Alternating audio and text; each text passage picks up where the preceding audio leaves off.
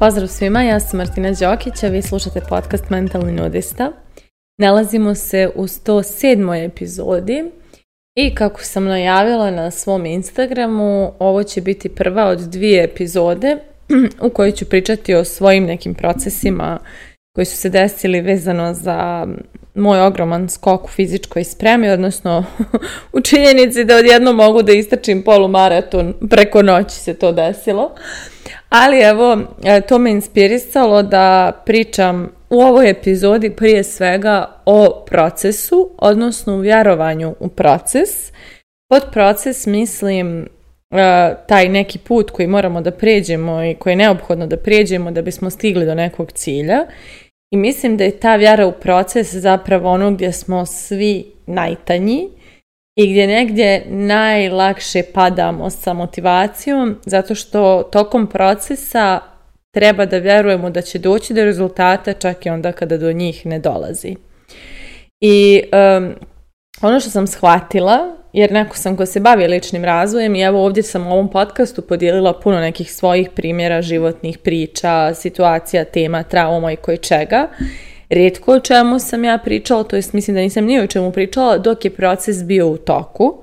Uglavnom sam o svemu pričala nakon što je to prošlo, nakon što sam se sabrala, smirila, prevazišla, pa onda pričala o procesu. I shvatila sam da zapravo rijetko ko priča o procesu dok je u njemu i rijetko ko dijeli te uspone i padove kroz koje prolazi kada je u nekom procesu. Uglavnom se dešava da mi samo ugledamo nečiji rezultat i onda nam se čini kao da je to nekako linearno se desilo. Znači, taj neko je krenuo tim putem i lagano stigao do njega. A čak i onda kada ljudi podijele to da su imali ono uspone i padove i da je tu bila krv, krv, suze i znoj, mi to nekako ne možemo da doživimo jer vidimo gotov rezultat. Vidimo da je taj neko nešto postigao i nije nam jasno šta sve stoji iza toga. I upravo zbog toga što se taj proces ne dijeli, često je jako teško kada sami krenemo na put nekog procesa da shvatimo šta će sve tu da se dešava. I evo ga moj primjer, znači ja sam prije skoro dva mjeseca krenula na put promjene svoje ishrane, svog mindseta o ishrani, svojeg toksičnog odnosa prema hrani, svoje fizičke spreme. I prije svega sam počela da treniram, Mislim, ja sam i prethodnih godina ponekad ponešto trenirala, imala sam čak jednu crossfit fazu koja mi je bila jako inspirativna i odlična. E, ali nisam nikad nekako ostala istrajna i nisam nikad do kraja se pustila u to da, ne znam, sastavim godinu dana treniranja. I u narednoj epizodi pričat ću dosta o tom identitetu iz kojeg nastane promjena. A u ovoj epizodi pričat ću o putu ka promjeni. I ono što eh, se desilo kada sam ja započela ovaj proces, šta je mene trigerovalo, je li sada ovaj proces, je činjenica da ja nikad u životu nisam imala ovoliko kilograma koliko imam. I negdje sam shvatila, sam pošla putem moje majke, koja čitav život se bori sa viškom kilograma, a uvijek ih ima sve više i više. I znala sam da to ima veze sa odnosom prema hrani, sa mindsetom, sa, sa cjelokupnim sistemom vjerovanja, sa navikama, sa koje čim. I shvatila sam da je moj cilj da u starosti budem najfit i najsnažnija nego što sam ikad bila, a ne da budem slabije, po, ono, da, da, da sve više budem, da kažem, tromija i, i nezadovoljnija svojim izgledom. I ja sam tako entuzijastično zaletjela se u proces i naravno ovaj, uvijek ide ta faza entuzijazma, o tome sam i pričala u jednoj od epizoda kako izgleda taj put promjene. I e, nakon što je prošlo mjesec dana mog treniranja i nekih dve nedelje zdrave ishrane, imala sam novo mjerenje u teretani. I ja ne znam kako sam ja čudo očekivala i šta sam mislila da će se desi, ali vaga je pokazala identičnu kilažu kao mjesec dana ranije. I iako ja znam racionalno da kilaža ništa ne govori jer je odnos masti i mišića u mom tijelu promijenjen, meni je taj, ta brojka na vagi okinula toliku ljutnju i frustraciju da sam ja samo shvatila, jer sam se mjerila na početku treninga, da sam negdje u toku treninga e, došla u stanje da mi se plače. I bilo mi je nevjerovatno koliko sam bila isfrustrirana činjenicom da je ta vaga mogla da mi pokaže bar dva kila manje, ali nije. I meni je to toliko izazvalo frustraciju i nemoć i bijes i, baš onako, bukvalno sam počela da odustajem. U tokom treninga nije mi se više treniralo. I trenerica je prepoznala jeli, da sam u nekoj lošoj fazi, da, da je ovo uticalo na mene mjerenje i onda je počela da me malo ono bodri, da, da radi sa mnom, da ovo da ono, da ja prosto završim taj trening dobro. A ja sam sebi dobila temu za razmišljanje otkud tolika frustracija zato što za Boga nakon mjesec dana nisam dobila rezultat. I e, da vam bude iskrena, ja sam u poslednje vrijeme mnogo više u nekim duhovnim aspektima i mnogo me više zanimaju te vrste ovaj, procesa. I između ostalog, ta ta obsesivna vezanost za rezultat je nešto što nas apsolutno uvodi u vibraciju očaja i odlaže rezultat. I ja sam sa toga svjesna. I međutim, meni je ta situacija sa mjerenjem pokazala da se ja nisam odvojila od rezultata, nego da sam baš očajnički vezana za potrebu da što prije ostvarim rezultat, toliko da mi se plakalo što ga nisam ostvarila. I onda sam naredna dva dana e, počela malo da razgovaram sa sobom, da prosto sebi malo objasnim, e, da vidim gdje sam, zašto sam tu gdje jesam i otkud tolika nemoć, tolika frustracija.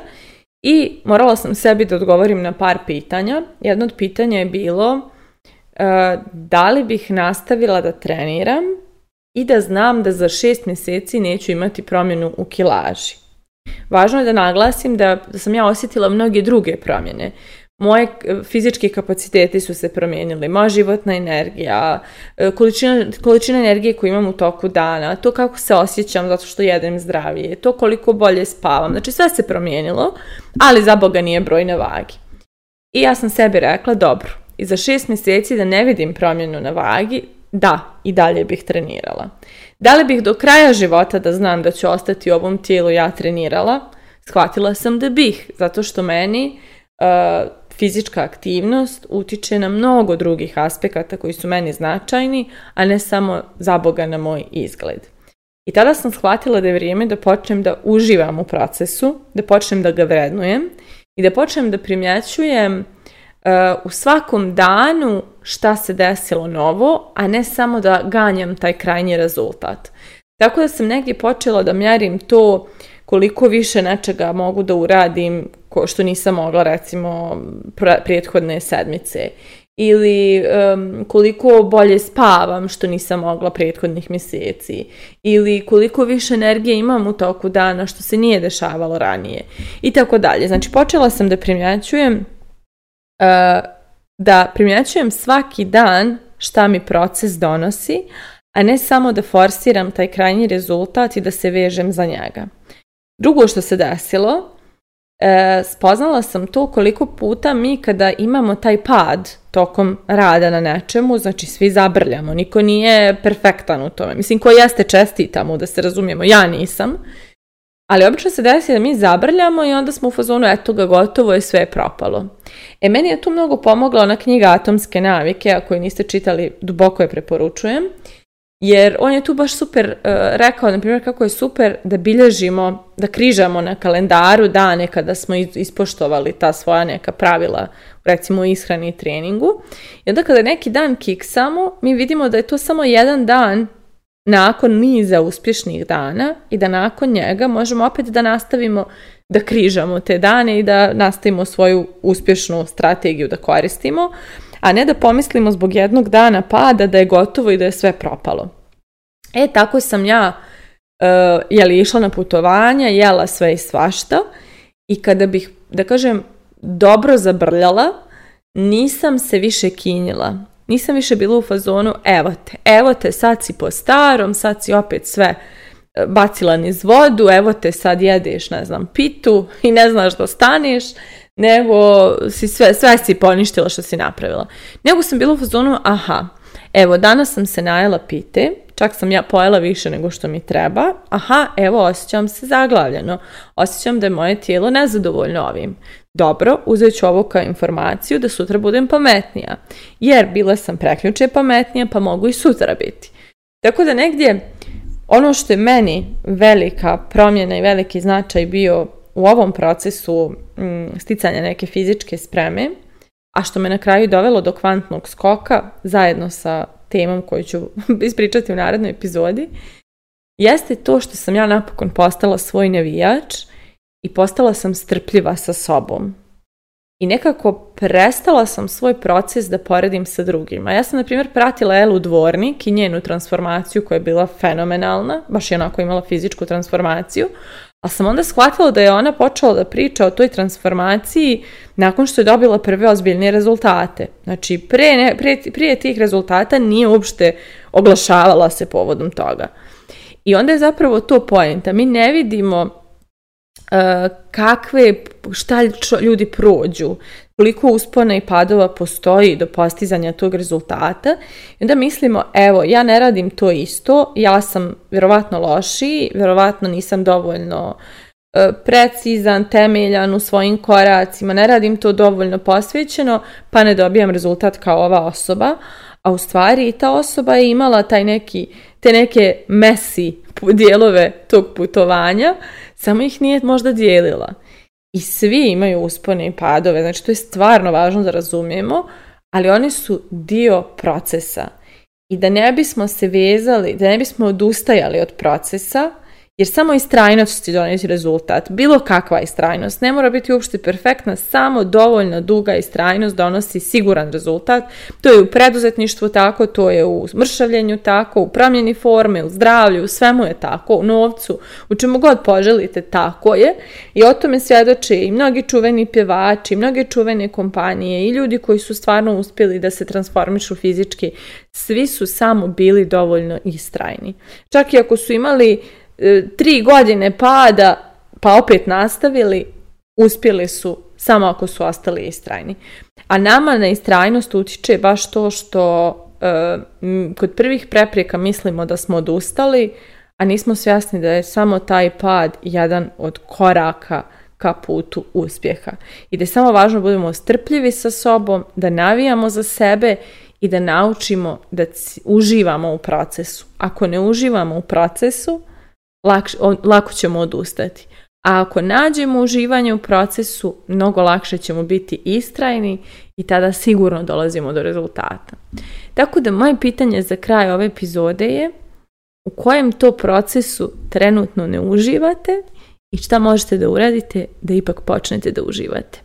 Mislite o tome, a mi se družimo u narednoj epizodi.